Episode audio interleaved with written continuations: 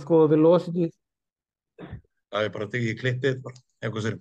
ok, ég má sjá en, um,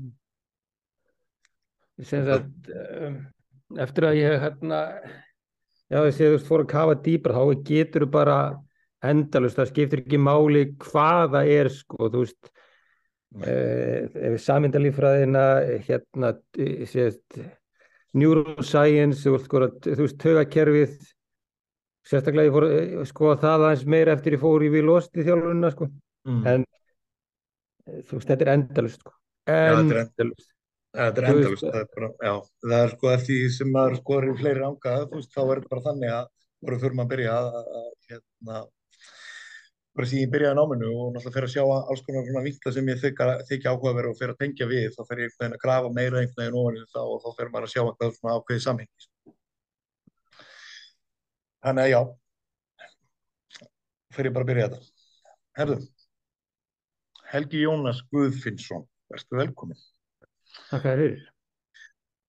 Um, svona til þess að byrja á uh, til þess að byrja á þáttinn uh, hver er Helgi Jónas? Uh, hver er svona þinn forgrunnur þegar kemur að þessari þjálfing þú ert búin að vera rosalega lengi í þessum brasa síðan hvað hartnær frá aldamótum þegar þú byrjaðir að stúdira þjálfun sem slíka. Náttúrulega varst í korribóltanum þar á undan. Já, þetta má eiginlega sko uh, segja að þetta hafi bara byrjað fyrir slisni sko. Að, að málið að er á, á þessum tíma uh, þá er svo sem ekkit þá er ekkit mikið um enga þjálfara, þetta er svona má segja að, að þetta sé svona þessi bóla sé að byrja að stækka á þessu tíma um 2000 og, ég er þá semst í atvinnumöðskunni að spila erlendis, ég er að spila í Belgíu og mér vantaði bara aðstoð við að koma mér í form sem sagt fyrir tíðanbili þannig að ég var hérna bara heim í sumarið og, og það var engin náttúrulega hérna í Grindavík. Aðstæðan, náttúrulega liftingar aðstæðan hérna var náttúrulega engin, það var einhver bara kellar í sundlauginni. Þú veist, gott að verið, ég veit ekki hvað, kannski 40 fermetrar, kannski ekki aðeins en þannig að ég nefndi ekki vera að keira til Keflavíkur. eða Reykjanesbæri og það heitir í dag. Þannig að ég ákvað bara, herðu, ég bara kíkja á þetta sjálfur, ég læri þetta bara sjálfur. Og tók hérna ISSA, engaþjóðlega uh, hérna, námið eða sem bara online. Og fekk einhverja videokassettur og það er látt síðan sko, maður með videospólur að horfa á sko, en, en máli var að ég var bara svo svakalega heillaður á því hversu uh, lítið ég vissi. Uh, það má ég eiginlega segja að ég, þú veist, þegar maður var að lifta, maður fór í salin og já, maður, fór bara í salin og lifti og þú veist, þóttist að hafa eitthvað vita á þessu, gerði bara backpressu tíu, tíu, tíu reps, fjú sett og eitthvað svona, eða svona bara svona klassísk sko, en ég bara áttaði mig á því að ég bara vissi ekki neitt sko. Og ég það má eiginlega segja að síðan þá, þetta er bara árið 2000, ég man ekki alveg hvað svona um áramóti, en ég er ekki alveg, alveg, ekki alveg með tímasetningun á hreinu en svo skiptir ekki máli. En bara síðan þá, hef, þá hef ég bara verið eiginlega bara dolfallin yfir uh, þar að segja eh, manns líkamann bara hvernig hann starfar. Og, og svona ferli mitt í gegnum þetta allt saman hefur verið þannig að ég tók rosalega mikið af námskeiðum Mm. eða svona þjálfararéttindum, þú veist, ég kláraði allt frá NASM, ég veit ekki hvort þá kannast við þau samtök, ég, með öll þjálfara skiptin þaðan, uh, ég kláraði hérna, Institute. já, ég man ekki alveg hvað stendur fyrir einu sinn, það það svolítið síðan, sko. En uh, svo fór ég hérna, fylgdi svolítið Paul Check, ég veit ekki hvort þú kannast við hann. Check Institute, ég fór uh, hérna, ég held að ég hafi rétt fyrir mig, ég tók sagt, upp í þrjúlega fjögur level hjá hann, það er sagt, eitt á svona grunnlevel, svo voru þrjú, þannig ég átti eftir eitt þar og svo bara var ég svona að lesa mikið af greinum og T-Nation og svo leiðis, en svo Já. færist þetta svolítið, svo þróast þetta svolítið út í að ég hætti að lesa greinar og fer að lesa vísindagreinar, Já, rannsóknir. bara rannsóknir í dag sko. Já, já. Þannig að þar, þar, þar er ég stattur í dag. Og ég er raunverulega, sko, eins og maður er raunverulega, þú veist, svo, það sem maður er kannski aðeins svona fylgst með þér að, að sko, á þessum, í sjálfum sér á þessum 20 árum og leiðir okkur okkar lágu saman þetta fyrsta minni 2008 þetta nýja sportusinu uh, þá varstu að gefa út uh, bók fyrir að, sérst, á ennsku sem sérst, hérna, mann og ekki alveg hvað heitir Það, það var, þetta var um einhverja fýtubrenslu, það má ég lega segja að það, það hefur verið svona byrjunin á því ég fór að kíkja á rannsókn, það var meira svona bara hérna, hvað kallar maður þetta, e-book eða svona já, já, það var bara e-book það var svona fyrsta, fyrsta verkefni svona sem að já, ég byrjaði að skrifa sko, já. svo leiði náttúrulega smá tími þarna milli, milli bóka sko. En þú ert svona raunverulega sko það sem þú er búin að vera að segja og það sem maður alltaf fylgst með, þú ert eiginlega svona eiginlega á þessum tveimur áratugum rúmum eiginlega bara konstantli búin að vera alltaf konstantli búin að vera að bæta við því. Það er raunverulega það sem er raunverulega sko þekkingin, hún er gríðarlega djúb, uh, ég veit það alveg og, og hérna en þegar þekkingin verður uh, og svona ákveðin insinn í svona marga ánga verður titulega mikil þá vandast málið oft svona generally að nálgast ákveðin svona rauðan þráð skilur mig. Já, ekki, ekki spurning. Og hvernig, hvernig ég raunverulega sko þannig ég farið aðeins svona ég raunverulega sko aðeins aftur í tíman og, aðeins fram í tíman það er sem sagt uh, þú ert uppásmaður metabólik æfingarkerfisins hérna á Ísland sem sagt æfinga þær eru hvað þær, þær eru bara fjórar í dag eru bara Já, já. Hvena byrjaður á þessu? Hvena, hvar kviknaði þessi hugmynd? Um, sko þetta var út sko það hérna, það má segja kannski svona upp úr ætla, upp úr svona 2009 kannski lók þessa, þess ás Já. að þá svona fer ég einhvern veginn að fá þá tilfinningu að, að þau, þau svo þjálf, þjálfunar aðferð sem að ég er að fylgja e, svona, er ekki beint að koma frá mér. Það er að segja að þú veist að, að hérna já, svona ég var eiginlega hættur að hafa trú á því sem ég var að gera því að þetta var eiginlega ekki að koma frá mínu hjarta. Og, Nei, og ég var kannski þó að ég hefði verið að þjálfa að þá var ég samt ekki sjálfur að finna mig í rektinni bara þú veist, ég var ekki bara, ég var bara ekki duglegur, sko, þú veist, ég, bara- ég, var, ég var bara og bara einu hefbundi einstaklegur út í bæ, þú veist, ég var dugði í svona einhverja nokkra mánuði, svo hætti ég en þú veist, ég hætti aldrei en þú veist, ég kannski ná var ekkit rosalega svona stöður þannig að ég er rauninni ákveðurinn að finna eitthvað fyrir sjálfa mig.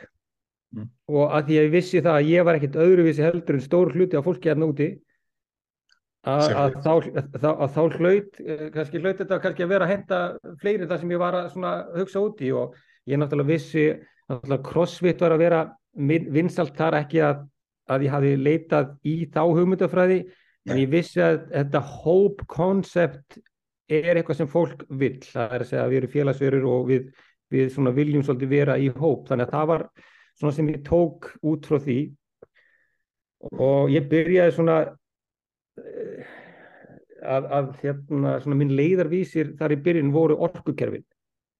Já, já, Þannig að ég vildi sem sagt, og það var ekkit, ef ég horfði því ég horfði tilbaka núna, þá var það ekkit rosalega, rosalega þróað sko, en, en það var bara þú, svo þekking sem ég hafði á þeim tíma.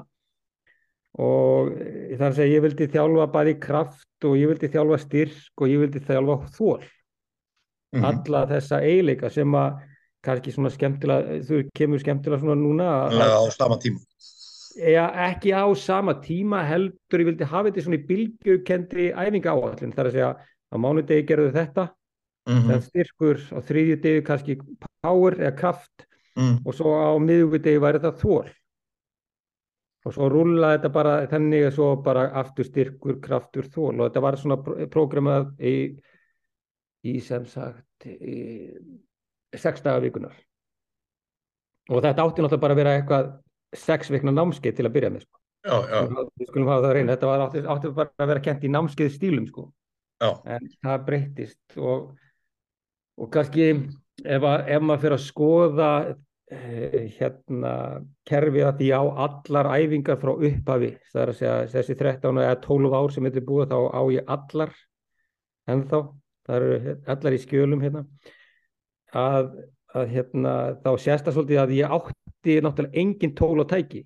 Þú veist, Nei. ég átti nokkra bjöllur, nokkra fjóra, fimm bjöllur og ég fór að keypti kaðla, uh, ég keypti uh, ykkur TRX-bönd og svo fór ég bara út í fjöru og setti sand í ruslaboka Bara- til að redda mér sko, en þannig að það sést svolítið á æfingavalinu í byrjun Mm. og þá sérstaklega eins og kannski eins og við köllum level 1 er svolítið svona grunnurinn af þessu öllu saman og það sést svona líka þú veist að ég hafði ekkit mikið til eh, mörg tækja tóls en núna þau dagur við með allt saman sko. Þeir eru náttúrulega með fjögur level í þessu æfingarkerfi. Já, semst fjórða levelið er bara semst hitt æfingakerfi Já, já, sem að, bara ein þannig að að raunin eru bara þrjú og svo fjórða er rauninni er hitt æfingakerfi Já, þannig að þetta er raunverulega sem sagt, eins og þetta er búið að vera síðust ár, þá er þetta sem sagt, auðvitað bara í ákveðinni þróun ennþá. Já, já, það er, það er, það er svona, það kemur í svona í bylgjum, það fyrir eftir í bara hvað ég er að spá og spekulera hverju sinni, sko. Já, já, Og það tók svolítið stór stökk held ég að með minnir árið 2016 og þá fórum við að skipta eða 2015, ég man ekki alveg, það, þá Mm. fór þetta þrepa skipta svolítið hjá okkur og, og það er á þeim tíma sem að ég fyrir að kafa bara virkilega mikið þá í lífælisfræðina. já, já. Sem er eh, náttúrulega bara ákveðin grunnstruktúr þegar kemur að eh, náttúrulega bara útkomu eh, áhrifa æfingarna, sko. Ekki spurning. Og það sem, eh, en er í raunverulega það sem þú ert, eins og þú ert að segja, það sem þú ert að þróa sjálfur uh, og það sem þú er að detta í hug, eru þá þessar, þessar stöðar, þessar fjóra stöðar, eru þær að taka þessar breytur þá inn út frá, út frá þér eða eru Já, þær raunverulega frjálsar eða? Ég, nei, ég skipulegg vikuna og ég senda hann alltaf út frá mér Já, já, og ég sendi sagt, næstu viku, hún verður send út í kvöld Já, á, já. fimt, á 50 og þau hafa ákveðum frjálsræði til þess að svona aðeins að breyta eftir sínum yfkenda hóp. Já, og, og, og en annars er þetta mjög oft mjög svið, eða þú veist allt, þú veist æfingarnir er svipaðar já hvern og einn í stöð. Þannig að þú veist þú getur komið úr Reykjavík og það er kannski lingóið kannski sem að væri kannski aðeins öðru, öðruvísi en ekkert mikið sko. En, en þú áttur að geta komið á æfingu hjá mér og, þú veist þekkja uppsetninguna þú verður í til dæmis Reykjavík borgarnesi já, það er svona grunnin, grunnin út frá því, sko. Svo er náttúrulega líka náttúrulega í bræðli mannsins að veist, eftir því hver er að presentera æfinguna hverju sinni út frá þjálfarn það hefur náttúrulega gríðarlega mikil áhrif.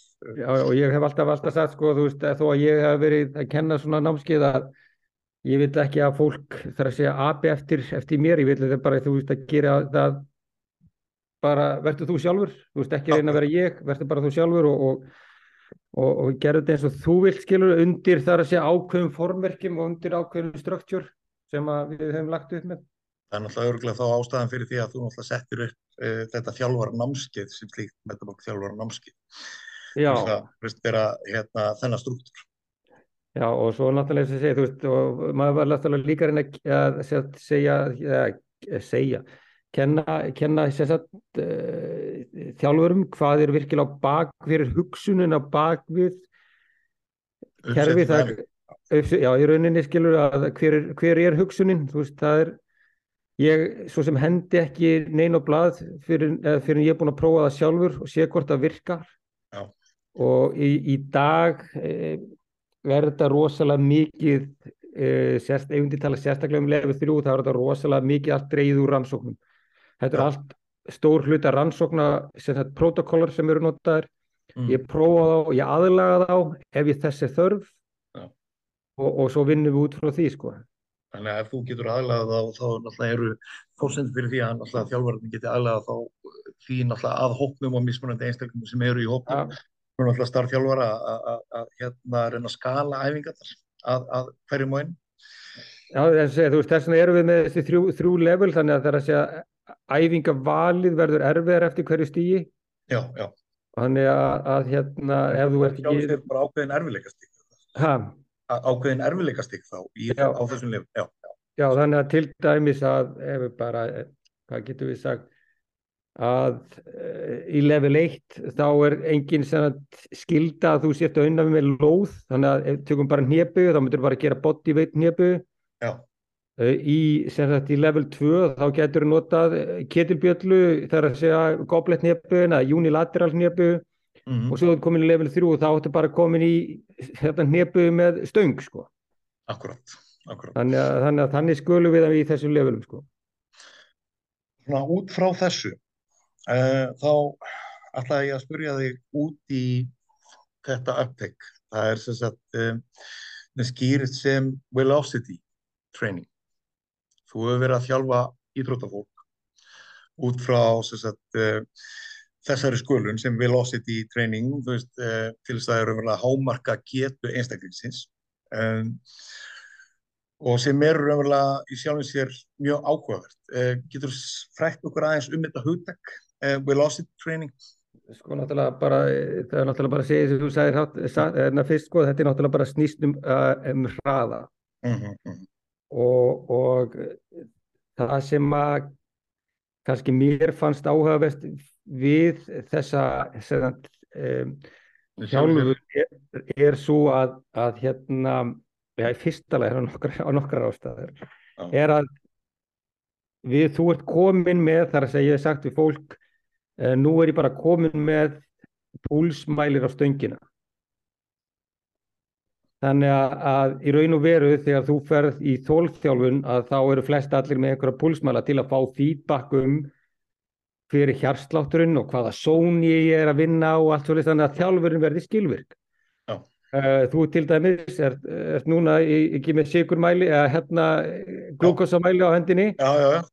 til þess að fá ákveði feedback um hvað þú þarft að kannski gera betur Mm. hvað þú þarft að aðlaga, þannig að þú fara feedback. Í rauninni þegar kemur að liftingum, þá fáum við ekkert feedback.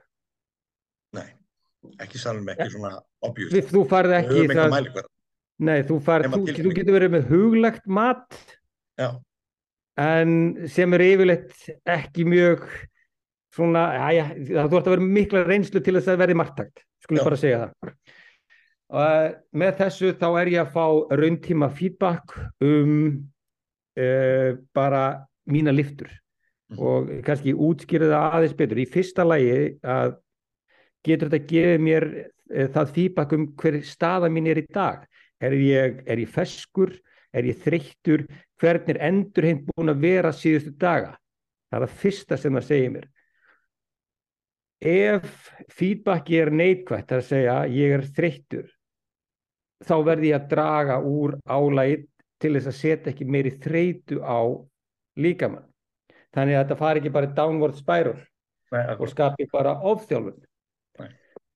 Um, annað í þessu er að ég get stjórnað í hversu þreyttur þú verður á æfingu. Já.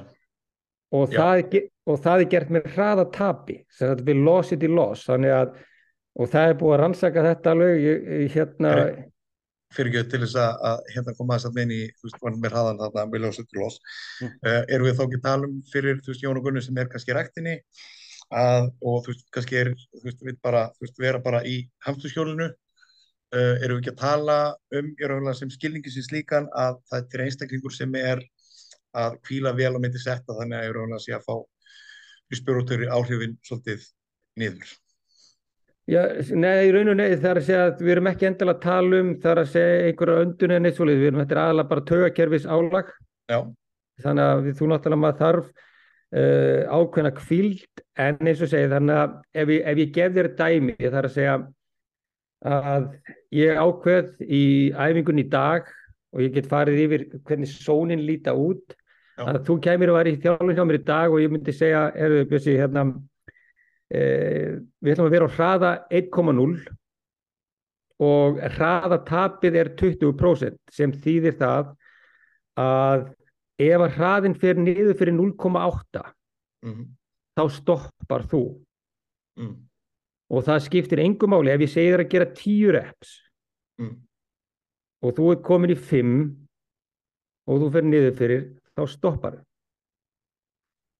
Beneficial áhrifin og útkomu áhrifin út frá þessu eru margfald betri heldur en þú hefur, hefur heldur áfram í til feiljur já, margfald uh, af hvaða leik Eh, og þó ég veit að svo hérna um, þetta þú veist, það er, það er hægt að segja þetta talið líka þegar maður dæmir þetta huglægt að þetta er talið hérna hugtækið re- eh, repetition in reserve. Já, já, þannig að þetta er svona svipa nema að þú þar ert þú að mæla það huglægt Já. þarna færðu það bara hlutlagt þannig að þarna er feedbackið ég bara stoppa Já. og eftir því sem að hraða tapið verður meira þar að segja, segjum ég myndi segja herðu, ok, þú ætlar að stoppa á 0,7 sem er 30% hraðatap Já. að þá máttur er ég að leggja meiri þreytu á þig þannig að það er meira, meiri, meiri efnaskipta álag og þú verður bara þreyttari Mhm. ásakið með þessu get ég stjórnað. Og ef við tölum um að því við vorum byrjað að nefna íþróttafólk að mín skoðun er svo að á tímabili ætti aldrei að fara yfir 10% hraðatap, aldrei. Á, já, þá er ég að tala um í, á keppnistífambili þegar að leikir eru ok, Já. ef það sé tvær vikur á milli allt Já. í lagi. Ok, skilurðu? ok, og með þessu erum við að, sjá, að náttúrulega sjá sem er náttúrulega þver öfugt við vöðvastækkun það sem að þjálfunarmagn eða training volume er kongurinn það er að segja ef að volume er ekki nóg þá er minni líkur á vöðvastækkun. Mhm. en í þessu þá ertu að reyna að finna hvar þar að segja er þessi hérna punktur á svona the law of diminishing return þar sem að því meira sem ég geri því minna fæ ég tilbaka og, og ég held að það sé svolítið galdurinn og það er það sem við erum að, að gera feil í dag það er sem mín skoðun er svo bara alfari mín sko er, hérna, er að, að við erum ómikið að pæli að ef að ég er ekki ógeðslega þreyttur Mhm. að þá hafi æfingin ekki skilað neinu Nei. og, og þetta er henni gefur þér það feedback og svo, eins og segi, svo get ég bara séð mína framfarir þú veist ég get séð, herru ég er búin að bæta mér hraða með þessar þyngd Mhm. það er bara framför og þar hef ég hana bara hlutlagt á bara blaði fyrir Mhm. fram að mig sko. og ég get alveg sagt, skilur hefur þú ert búin að bæta þess síðan í hraða þú, þú ert orðin sterkari og það er þetta að reikna ég er nú einhvers stað með grein hérna sem að þeir eru búin að finna það út að, að ákveðin hraði um, er ákveðin prósent af hámarki. Veist, og það er bara misand eftir æfingum. Þannig að eitt, eitt, hraðin 1,0 gæti verið uh, í backpressu, nú er bara skjótið í lofti bara, að þetta er Já. ekki rétt að tölur. Það getur verið 45% af hámarki. Já. í hnepu gæti það verið 40% af hámarki. Ok, uh, getur þú farið aðeins inn á örumverulega það sem eh, kannski einhverju gætu verið að velta fyrir sér núna sem eru kannski að hlusta, sem eru einstaklingar sem mæta eftir vinnu eða fyrir vinnu eða í hátteginu bara í reglumundna rækt. Um, svo við vitum bara í samfélaginu það er streita, þú veist, við erum hátt kortsól og adrenalín út frá álægi, streitu og þar fremdu gottunum. Uh, hvernig er þetta, gæti þetta verið að hafa beneficial áhrif uh, á örumverulega lífskeiði fólks að örumverulega skoða þessa þjálfræðilegu hluti til þess að uh, en sko eins og þú sagðir á við erum ofta að hugsa um þegar við erum að mæta í ræktinu, við erum að taka á því, við erum að klára okkur þannig að við helst förum út á fjórum fótum sko. skilur margir hverjir.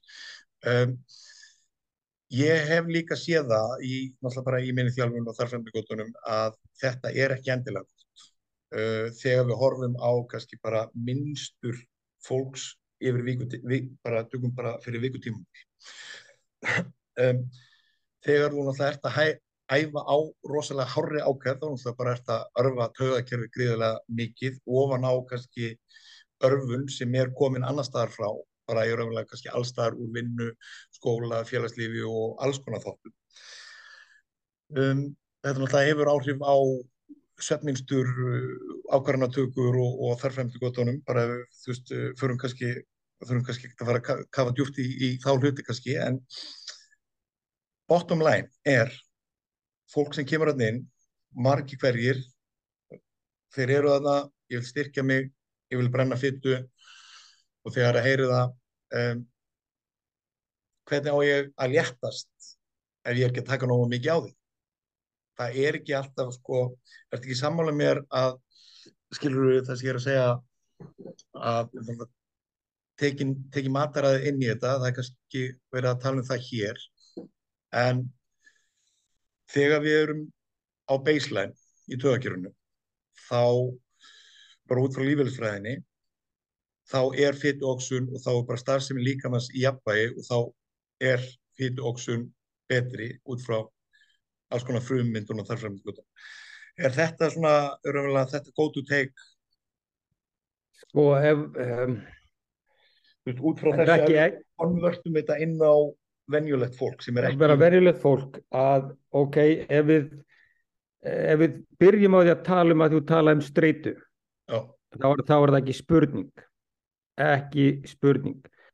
Því eins og ég sagt bara, þú veist, meira er ekki betra og eins um, ég get nú ekki alveg þú veist, vitna man ekki alveg heiti rannsóknar en ég get svo sem alveg, ef að fólk vil fá upplýsingar þá er það ekkert mál um, að því að maður náttúrulega byggir allt út það, þú veist, það sem að ef einhver segir mér eitthvað uh, þá trúi ég ekki fyrir en ég er búin að lesa mig til um rannsóknin og allt svo leiðis Já, ég er búin að lesa það, búin að komast að því. og hérna þannig að ég, ég bara skora fólk þó að ég sé að segja eitthvað þá, þá bara, þú veist, getur haft samband ég get sendið mér rannsóknir þannig að ekki, ekki, þú veist, taka mínum orða sem heilaða sannleik því ég get mistúlkað rannsóknir eins og er oft gert þegar að vera að presentera þeirra á þessum samfélagsmiðlum en já, já. Um, til dæmis að þá hefur verið að það er mjög erfitt að fá atun íþróttafólk til þess að fara í svona rannsóknir en það er alveg tekið íþróttafólk og svona oftast er gert að ég var að bera saman vil, vilósið í þjálfun er að að ég tala um hraðatap og þá getur gert bara ákveðinu margar endurtekningar innan þessar marka og þeir hafa bara séð það að jafnvel á ákveðinu tímabili að gera bara 12 endurtekningar ég minnir á æfingu. 12 endurtekningar.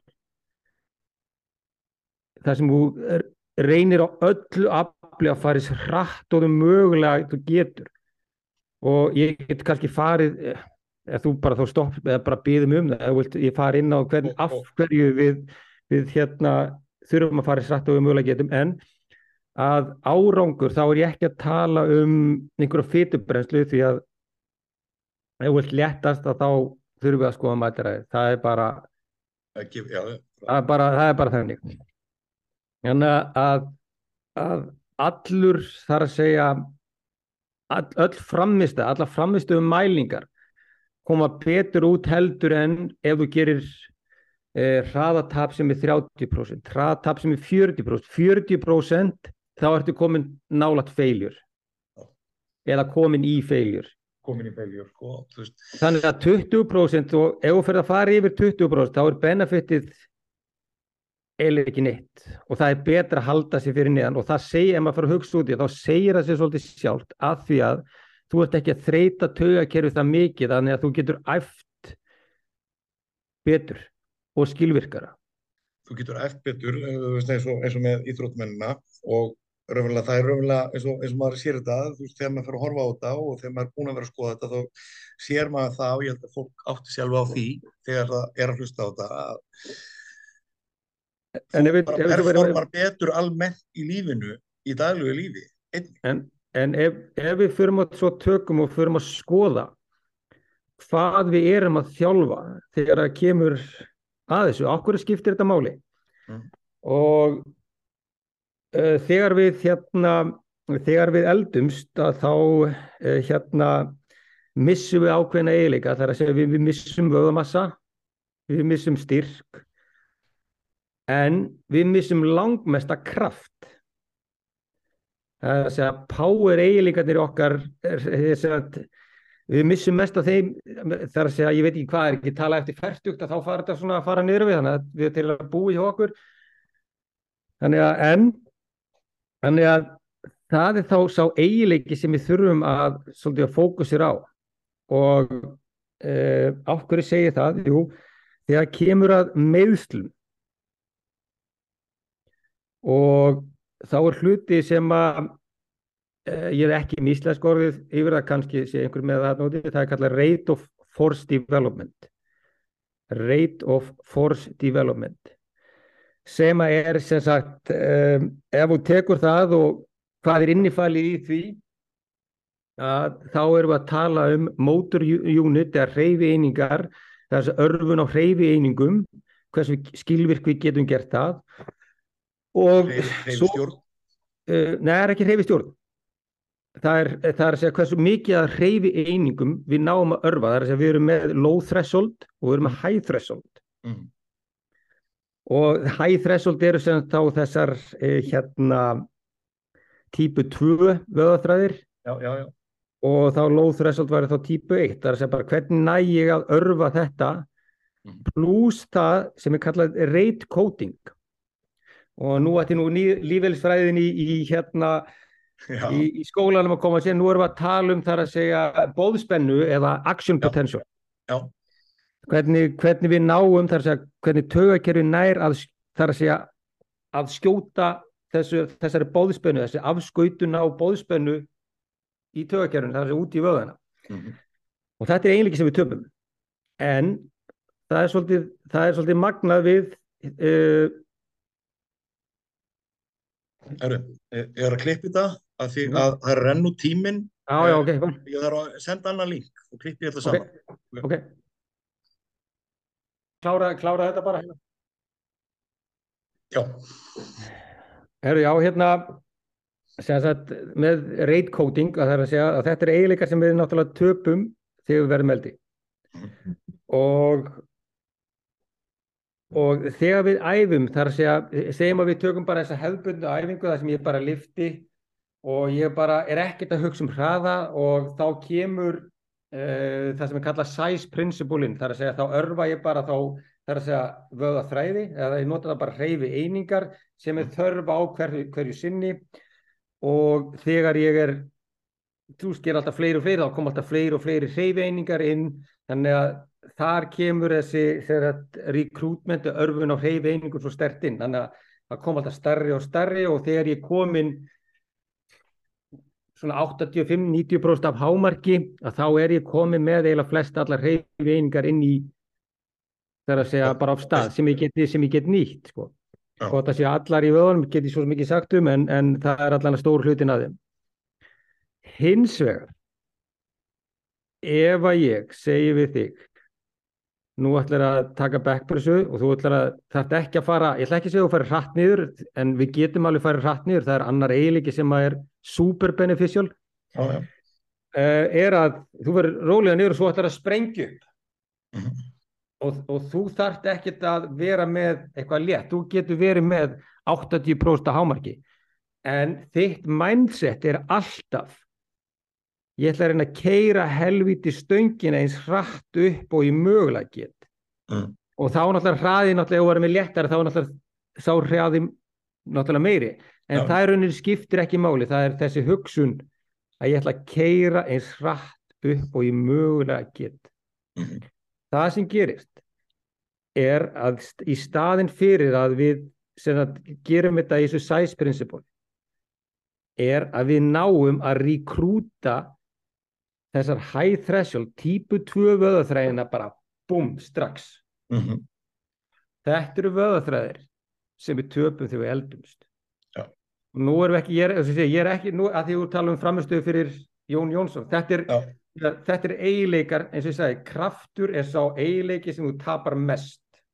Já, já, já, og, og hver framistæðan er þegar við erum að, að hérna tala um út í lífinu, þú veist, það getur bara verið að lappa upp stiga, það getur verið að bregða fyrir sér fætinu með út að detta já, já. Þa, það, það, þar kemur þessi, þar koma þessi reynleikar. og, það, og þá kemur hversi taugakerfið er virt og, og hérna og það, það sem er náttúrulega svona svolítið bjútið við þetta er að þú ert að fá þessar hreyfeiningar inn og svo ert að auka þetta rate coding, bara bóðspennan hún Mhm. verður þar að segja meiri. Það er meiri, það, er, það, það er talað um að það sé svona þótt að það gefi kannski engum skilginu, við getum bara hlusta á tölurnar það er að segja er per minute puls per second. Það er kallað puls per second. Það er að segja þegar ég ger þetta bara í slow contraction að þá svona er puls per second getur fyrir eiginlega ekkert yfir 50 Nei, nei.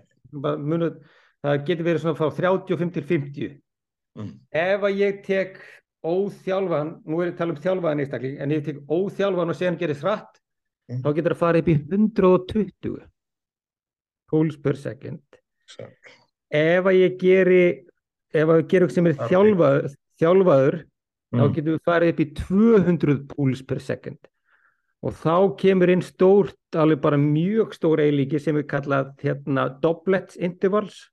Já, og það er tíð þess að því bóðskotið eða bóðspennan sem að eða discharge reytið þannig verður, það koma svo ört saman, það er, það er 0,05 sekund á millið þeirra, það er bara bum bum bum. Mm, mm, þannig að og það ef að við vilt gera íþróttamann kröftuan að þá er þetta leiðin. Það er íþróttamann sem getur stokkið hátt. Þannig að þarna hefur við þar að segja bæði fyrir íþróttamannin og við höfum bæði fyrir einstaklingin bara þar að segja uh, hérna út í bæ. Mm, og í- á, ég nefndi fyrir, þarna, sagði við hérna, að breða fyrir sér fætinum. Já, ég hef reyndar ekki kíkt á þessar rannsóknir en nei, ok. Ég, uh, ég ætla bara að treysta þessum ágættu mönnum uh, fyrir þessu og ég treysti að þeir þessi Andrið Hjúbimann og þú kannast við hann og Pítur Atía Mhm. Já.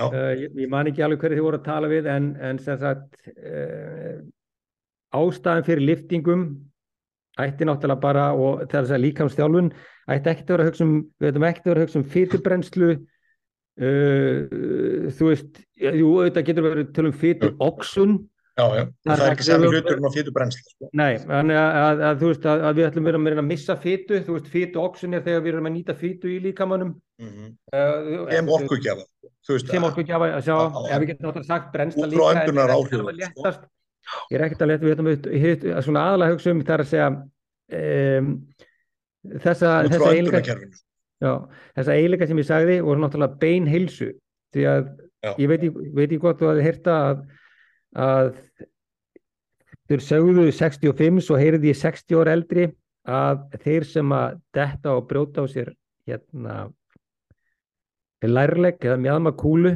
mm. að um 50% af þeim einstaklingum lifi ekki lengur en ár. Nei, var, þarna kom þetta, sko, uh, ég veit ekki hvort, það, ég veit ekki hvaðan þú hefur þetta vegna þess að mér finnst alveg magna að skulle segja þetta, vegna þess að ein lecture hérna frá David kennara út í skóla, já, hann var akkurat að tala um þetta bara í desember, bara og þannig var að þar yfir dítela í þessu. og til þess að geta þar að segja komið veg fyrir að, ég ætla ekki að segja að þú veist ekki að það er koma í veg fyrir allt en þú getur gert þitt besta í að til þess að, að koma í veg fyrir að þú dettir að þá þarf rate of force development að vera top notch og komið út frá styrk og náttúrulega út frá mörgum mismunandi undir komponentum, sko, og styrkur, jafnvægisþjálfun. Styr, já, já, ég, ég segja að styrkur, jú, skiptir máli, Mm, en ef þú ætlar að bregðast, en ef þú ætlar að bregðast við, mm, þá skiptir hámarstyrkur það engu máli. Ef að early phase-ið, það er að segja, það er að kalla early og late phase, ef að early phase hjá þér er ekki gott, mm, þannig er ekki að berga þér. Nei. Og allar íþróttir, flest allar, eru svona mjög nálægt mörgum early phase. Þannig að ég næ í svona mjög mörgum tilfellum, tilfellum ekki að nýta, ef ég sé ógeðslega sterkur, ógeðslega sterkur, þá þarf ég ekki endilega að geta nýtt mér þann styrka því að ég hef svo lítinn tíma til þess að hoppa, hlaupa og allt svo já. Þannig að, þannig að auðvitað kemur, auðvitað kemur balans og allt inn í þetta líka sko. En ég verð að fá að halda áfram Já, já, bara Að því að- að ekki. að því að, að ég komin inn á þær, þennan, þær, þennan farveg er Já. ef við þurfum að horfa út frá að við töluðum að að æfa bara og þá til ég bara ógeðslega þreyttur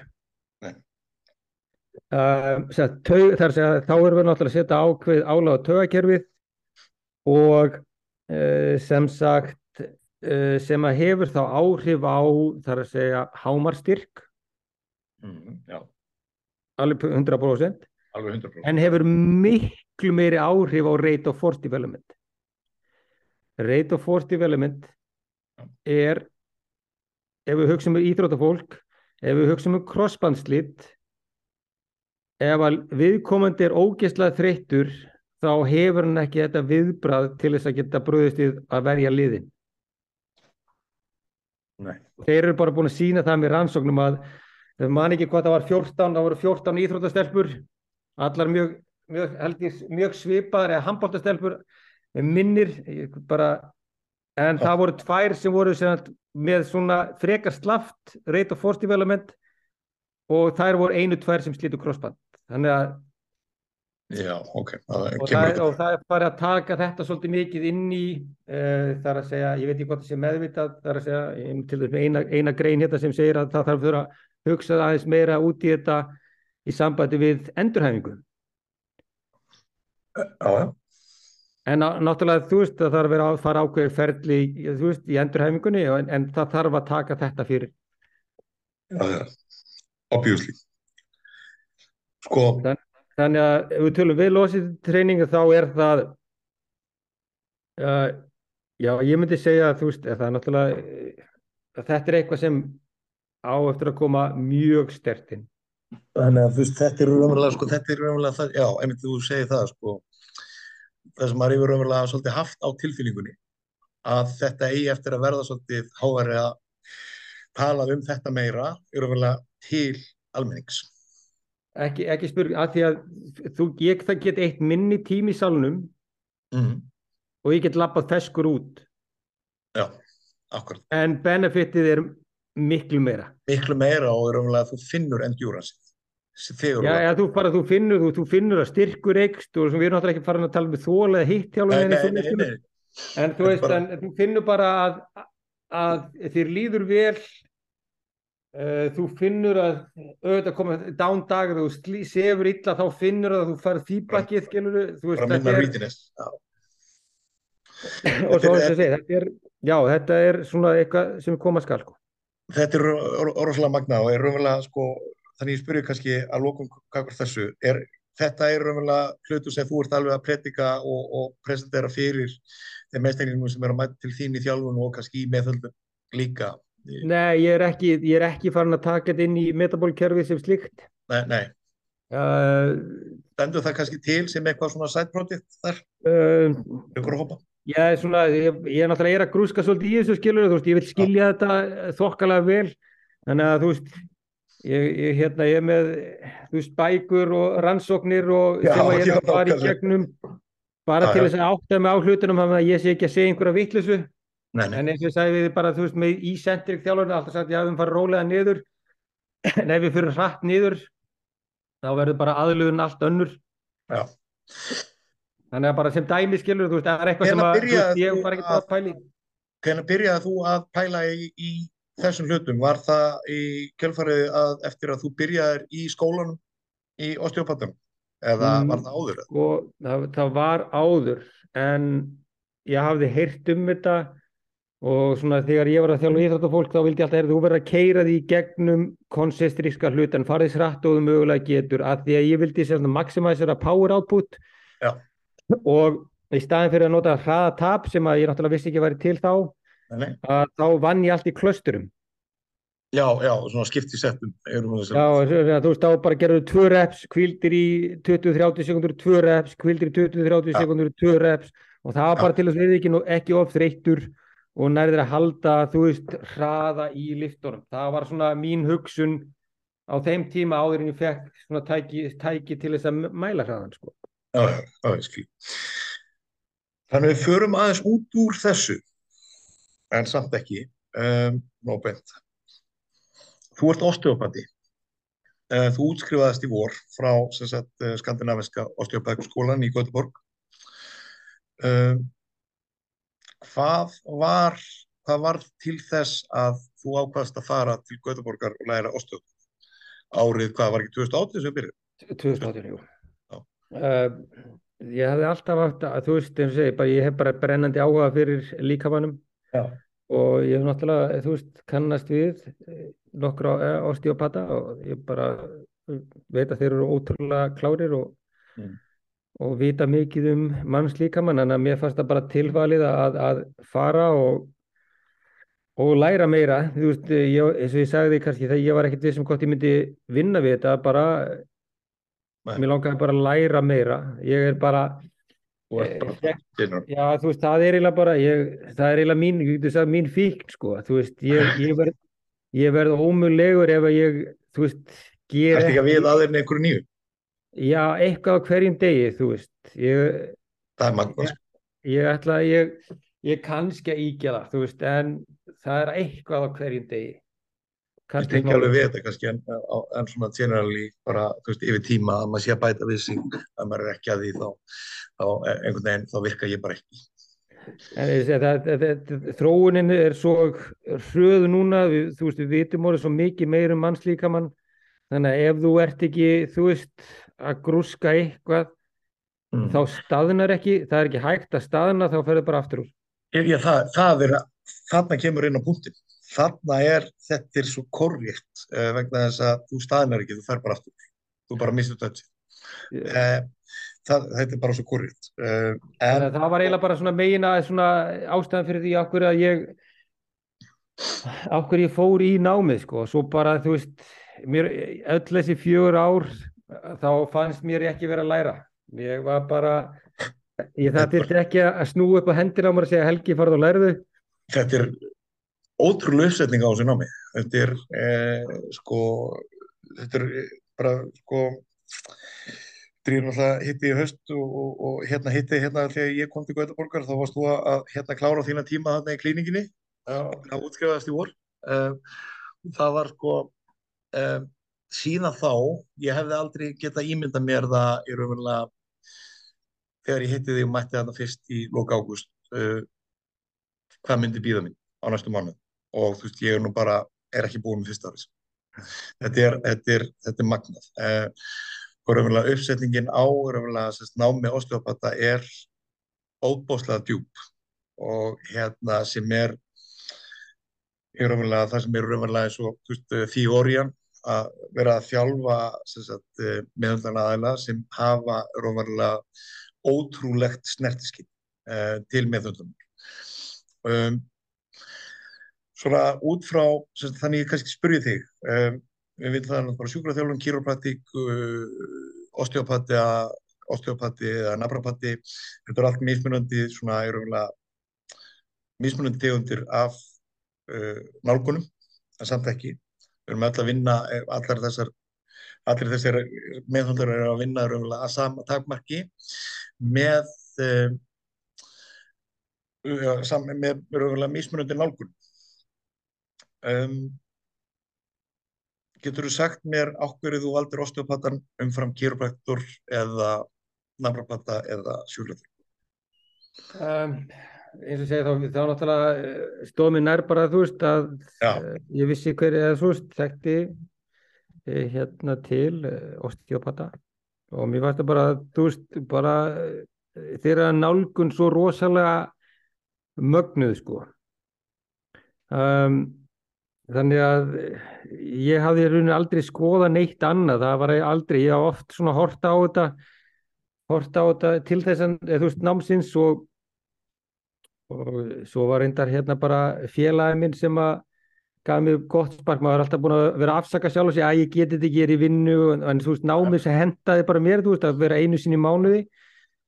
En En ég fekk bara gott spark í rassi ég fekk gott spark í rassi til þess að fara út sko, það byrja þannig að já, þú veist, þetta bara ég held að það kom aldrei neitt annað gre- greina ef ég ætlaði að læra meðöndlun sko reyndar hefur, hefur hérna þjálfuna lífælisfræði heilla mjög mikið já, og komið svolítið inn á hana en töðakerfið og hana í og svo, svo, svo, svo veit ég ekki hvað maður að gera ef maður fari í master, hvort maður fari í einhverju taugavísindi eitthvað svoleiði sko. Ertu að spá í því? Í Já, ég, já, ég er, já, það er eitthvað svona, ég er ekki hættur sko.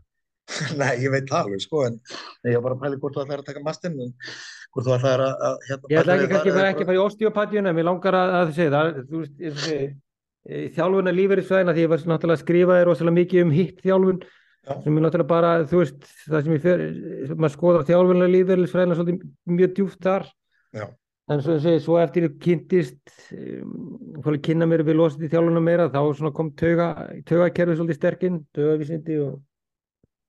þannig að ég er ekki alveg viss. að fara, fara, kemur, ég, ég myndi ekki missa hugunni í golfi þó að þú færir þá leiðina sko Nei, nei, ég- en ég ég er ekki, ekki ég ætla, ég ætla að gefa þessu allan eitt ára en ég er nú að klára hennu bara í, í vor sko. gefa okkur smá breyk sko. Þú ert byrjaðar að meðhundla uh, þú ert núna komin hérna inn til Reykjavíkur. Svo sem hvað, eða Tvo daga í viku, já. nýri í Metabolic í Gráin Já, sem þetta, já, sem þetta upp á höfða. Metabolic Reykjavík og, og hérna svo er ég hjá þeim Jóa og Viktor í, osteopætastöðinni Já, akkurat, akkurat. Þetta er náttúrulega er eh, virkilega áhugavert og þó ég tala nú bara fyrir sjálf mig að, mér er náttúrulega sko, náttúrulega ekki komið langt í náminu en maður er náttúrulega bara klæjar í, í puttana og ég hefði aldrei í sjálfum sér uh, ímynda mér hversu mikið maður er búin að læra nú þegar og, og hérna þannig að ég klakka bara mikið til þess að, að hérna Þú átt skemmtilega tíma framöndan sko Já, það, það eru skemmtilega, en nú, nú eru, nú eru fyrst skemmtilega tíma þegar að byrja. sko. Þegar þú fara aðeins að fara að sner- snerta og, og þau klá, svona, þú veist Já, við erum náttúrulega, byrjuðum náttúrulega snemma í þessu palpation, sko, já, en, já, en, en núna eru veist, eh, þessar greiningar og, og, og hérna, mobilization without impulse og annað sem eru, eru alveg komin inn í á, á, á fullum þreipum, sko. það er bara ekki Þetta er bara geggja, sko. Herra Helgi, þakka kærlega fyrir þetta spjall hérna dag. álítið Það vona að þetta hérna kannski skili sér eitthvað Það gerir það alveg klárlega. sko. Það að, en ég er að segja, ég ef að einhverjum hérna að því að ég kannski man nú ekki allar þær rannsóknir sem að ég sem ég les sko, þú veist, utan, utan þess að ég farin að, ég er mest farin að skrifa hérna í stílabók sko hjá mér. En ég, í daginn fyrir að fara í tölvuna þá get ég bara svona flett í stílabók til þess að Já, svona reyna að muna einhverja rannsóknir til að vitni Hvað er með marga skápa af fullum möppum af útbrentuður rassum? Er, ég, ég hætti því fyrir svona sex árum síðan Já, þá hætti þá var þetta orðið of mikið sko. Já, þá var þetta orðið allt of mikið sko. ég veit ekki það er alltaf fólk sér þetta ekki nei, ég get ekki, ég get ekki sér það. Ég getur svo sem sýndir og getur lift mér. Já, eh, hérna ég er bara með möppu hérna í tölvunni hjá mér. Ég veit svo sem ekki hvað þetta eru margar ranns og ég geti öruglega þrjú, fjögur þúsund sko Ég að er ekki að segja að ég sé búin að lesa það abstraktan svona. allavega. Já, ég myndi segja kannski svona 80% sko. Ég rend, já, ég lendi rosalega svona í þegar ég byrja þá get ég ekki stoppað sko. Nei, ég, ég, svo sem alveg tengi, tengi við það, sko, þú veist, þegar maður byrjar og þá bara missir maður sig og, og týnir tíma, sko. En hérna, er einhver bókaskrif í deglunni? Nei, þetta er fínt. Þetta er, Það er, hvað er konar það er bækur? mikið. Það er, Það er það fjó, fjórar. Já. Eru það skrif- ennþá í sölu þarna á Amazon? Það er eina þarna á Já, Amazon? það er þetta, það er þetta. Ég hendi þetta er svona meira. Ég, við getum við, ég, við getum sagt að ég hef ekki skrifar til að vera metsöluhöfundur. að það hefur ekki, þú veist, verið markmið. Eh, maður lærir ótrúlega, ótrúlega mikið á að skrifa bók. Þá er ég ekki bara, þá er ég bara að tala um bara efnið sem slíkt. Já, ég bara, þetta er allar mínar bækur, eða allar, það eru þessar þrjár sem ég skrifa einna, það eru bara rauninni heimildaríkir sko. Þetta er bara he- heimildir út í hitt. Sko. já, já, já, já, það er bara referencer. Þannig að það er mikið, mikið um tilvætninir og ekkert svona, þú veist, svolítið, sumt svolítið kannski fræðilegt fyrir Jón Jónsson út í bæ, sko. Þegar maður fyrir að tala um Það einsku. og allt þetta. Það er náttúrulega stærri markkopur þarna fyrir þessar bækur. En segi, það er svo, ég er svo sem fekk frá þjálfari bandarækjum bara, hann sagði, hann Var ekki Mike sko? Nei, það var hérna maður sem ég þekki úti, sko, hann sagði bara, ég ekki hjá þér, ég skil samt ekki orð sem ég út að skrifa. Nei, Það, þú það meinti þá ekki skilu að, hérna, enskan skilja bara, þetta var á djúft, sko. já, já, já, fræðilegan. Ræðilega þetta var bara á mikið, sko. já, já, sem er náttúrulega það einmitt, þeim sem þú segir, ekki fyrir Jón Jónsson og hérna, en ráðlega fyrir þá sem er involveraðar í þetta og upp að Ég hafa gaman, að, hafa gaman af þessu sko. Já, og þeir náttúrulega hafa gaman af þessu og náttúrulega bara skilja þetta, eða Já. upp á ákveðnum marki sem vilja fræða þessu. Þannig að þú ert í ráðlega, þú ert ákveðin bara researcher og educator með útgóðum þessari bókar. Sko. Já, já, já, það er alveg kannski má að horfa á þannig sko, en, en hérna, við mættum samt alveg þjálfarar vera duglegri að, að grafa dýbra sko.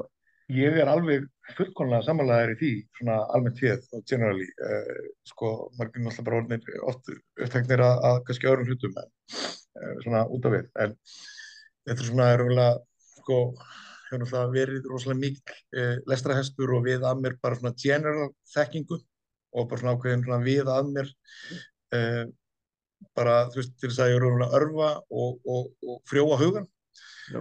og hausinn. Uh, en svo náttúrulega bara koma tímar þar sem maður raunverulega sekkur sér í einhverja einhvern nördafassa sko og er að stúdera hluti hérna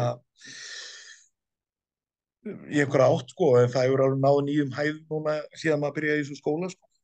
Það veitir í er ekki tengt við skólan Nei, það veit, veitir dýfta að, að þegar þú sérð hlutina svona aðeins dýbra þá veistu bara, heyrðu, ég bara það er svo mikið meira þarna sem ég þarf að vita. Ég er eitthvað þannig sko þannig að þú veist, ég vil vita eiginlega bara uh, kannski allt bara sem snýst.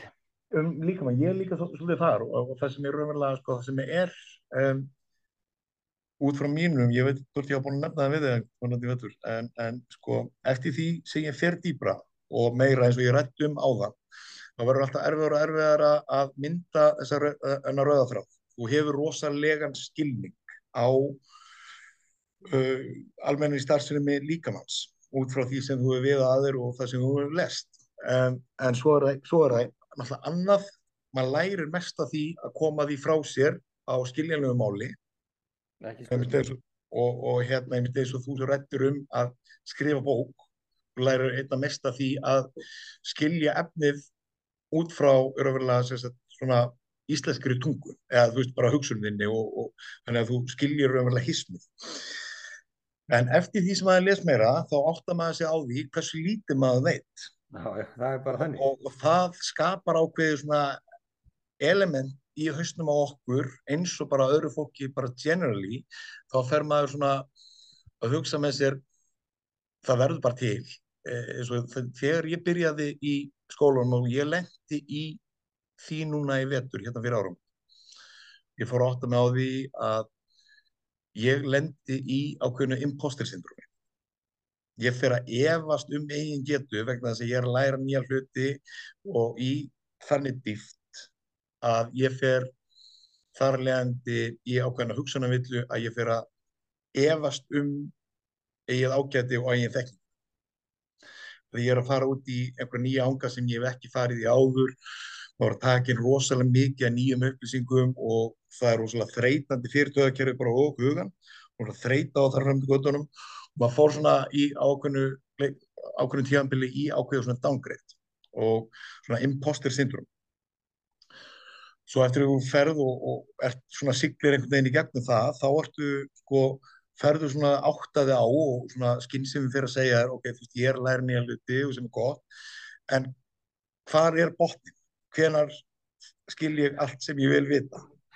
Þegar maður fyrir að átta sig á því að það er ekki hægt, það er bara ekki sjens sko það er bara ekki þú veist, ef þú ætlar að þú veist, þú er bara uh, tökum bara, ég segjum bara samindalífriðina, ef þú ætlar að skilja hana þá verður þú bara að skilja hana þú bara, það tekur þau bara rosalega langa tíma sko. ná, ná utan um allt það dæmi sko. það er náttúrulega, er, sko, það er náttúrulega ef maður horfir á það og maður bara lítur utan á það og þú fyrir að skilja svona ákveðin svona grunn hugtök þar þá ertu eiginlega svona farin að sjá fyrir þig bara eins og þú sér farin að læra eitthvað stjarn lífeyrislega sko. Þú veist, eða bara einhver, einhver, eða einhverja geimvísindafræði eða hvað það er. Þetta er, hérna bottomless. Það er bara þannig. Helgi, takk fyrir geggjaspjall Heyrðu, takk sem leiðis